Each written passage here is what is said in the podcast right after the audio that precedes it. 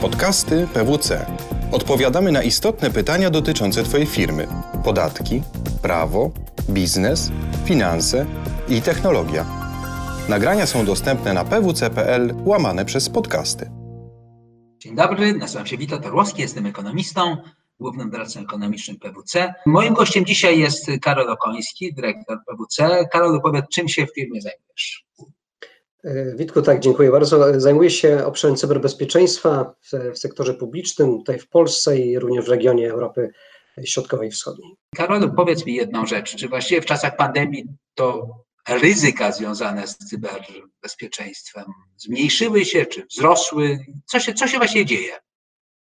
E, Witko, tak, no więc można bez wątpliwości powiedzieć, że zdecydowanie wzrosły. Te cyberryzyka, które pod tym rozumiemy coś takiego jak nie, zatrzymanie pracy, wyciek danych, te ryzyka są zdecydowanie wyższe i są takie trzy podstawowe grupy przyczyn, które się na to składają. Po pierwsze, e, firmy, instytucje stają się po prostu obiektywnie bardziej podatne na ataki. E, I to, e, na to się składa między innymi to, że musiały rozwią uruchomić rozwiązania dla swoich pracowników do zdanej pracy i w takim trybie, no nie, nie ukrywajmy, niektóre nadzwyczajnym, czyli bez pełnej weryfikacji ryzyka i bez, oraz również bez pełnej akcji uświadamiającej dla użytkowników, którzy z tego zaczęli korzystać. Druga rzecz to jest taka, że wbrew pozorom też ważną rolę odgrywają tutaj kwestie organizacyjne i psychologiczne. To, że firma się skupia na utrzymaniu swojej podstawowej działalności, to, że mniej ludzi pracuje w IT na dyżurach, to wszystko może mieć też wpływ na to, że pewne rzeczy mogą przejść po prostu niezauważone. No i drugi wymiar jest taki, że pracownicy, tak jak nasi obywatele, przecież też byli w stresie, nawet wręcz w atmosferze może paniki na początku. Są wszystkie te elementy, które też mogą wpływać na, na to, że po prostu staje się dana organizacja jako składająca się z ludzi po prostu bardziej podatna e, na, na, na możliwe tutaj e, ataki. Druga przyczyna to jest właśnie to, że e, tak jak zresztą można było się spodziewać, niestety grupy różne przestępcze zaczynają to wykorzystywać. Mówimy o zdecydowanie o wzroście ataków hakerskich, np. celowej kradzieży, danych, też o wzroście ataków phishingowych z zainfikowanymi plikami, na przykład ransomware wykorzystujące też często kontekst aktualny, czy wpisujący się dokładnie w to, co się w danym momencie w nagłówkach gazet pojawia, czyli wiem, promocje na zakup maseczek, programy pomocowe, ale również rzeczy związane z takim z kontaktem z IT, czyli nie wiem, konieczność weryfikacji hasła, e, czy uzyskanie jakiegoś dostępu. W tych wszystkich sytuacjach też mm, ten profilowany phishing z przestępcami podszywającymi się pod e, właśnie kierownictwo IT czy, czy pracowników może mieć miejsce.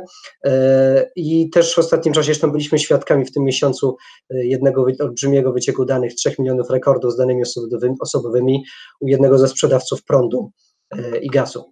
No i trzecia grupa e, tych, e, tego, co wpływa na podwyższone ryzyko, to jest to, że wszyscy sobie zdali sprawę, myślę, w teraz w czasie kryzysu, że są częścią większego ekosystemu, że żadne firmy nie działa w izolacji i tutaj uzależnienie się od e, poszczególnych kontrahentów, również tych nadpośrednich, czyli pod, podwykonawców, to jest coś, co może spowodować, że problemy u nich odbiją się, od, automatycznie odbijają się na nas, E, i wbrew pozorom też w tych takich teraz doraźnych działaniach związanych z tym, żeby mm, obniżać ryzyko, szukanie rozwiązań poprzez firmy trzecie, też w niektórych przypadkach mogło to uzależnienie nawet pogłębić.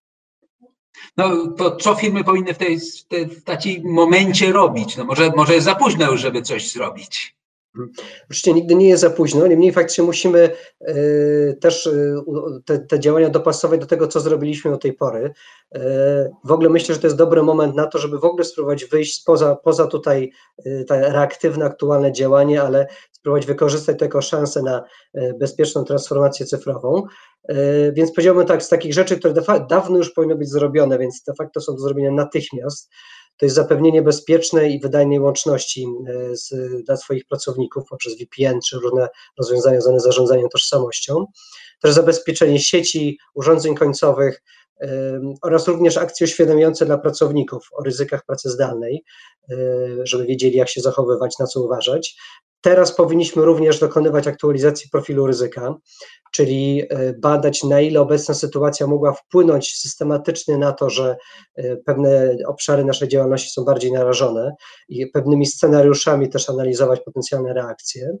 E, sama analiza zachowań użytkowników i tutaj zarówno pod względem wydawania jasnych wskazówek, rozwiązać pewne automatyczne rozwiązania, to pozwalają wyszukiwać pewne anomalie, samo wzmocnienie zespołu bezpieczeństwa, tak zwanych soków, oraz również fakt, że żeby próbować w ogóle próbować na przyszłość myśleć o rozwiązaniach, które zakładają, że w ogóle sieci urządzenia, które są wykorzystywane do pracy, właśnie niekoniecznie są własne albo pod kontrolą korporacji.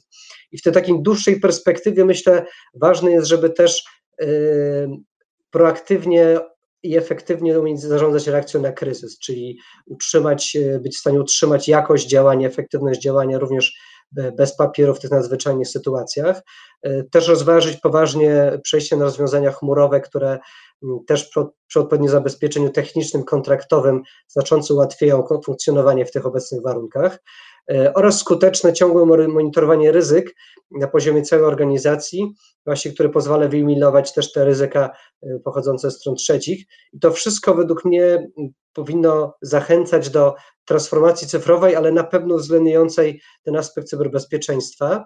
I uważam, że odpowiednio przeprowadzona ta transformacja może spowodować, że e, podejście do cyber i do prywatności może być dosłownie przewagą konkurencyjną pozyskiwaniu klientów i na pewno powinno być obszarem zainteresowania nie tylko dyrektorów, ale, ale całego zarządu danej instytucji.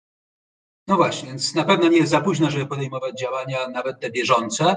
Natomiast najważniejsza sprawa jest taka, że trzeba ze wszystkiego starać się wyciągać lekcje, uczyć się i, i y, starać się, aby digitalizacja, która tak czy owak jest trendem, na który firmy są skazane, które musimy wchodzić, była w tej chwili jak najlepiej robiona, jak najbezpieczniejsza, aby na przyszłość nie było problemów.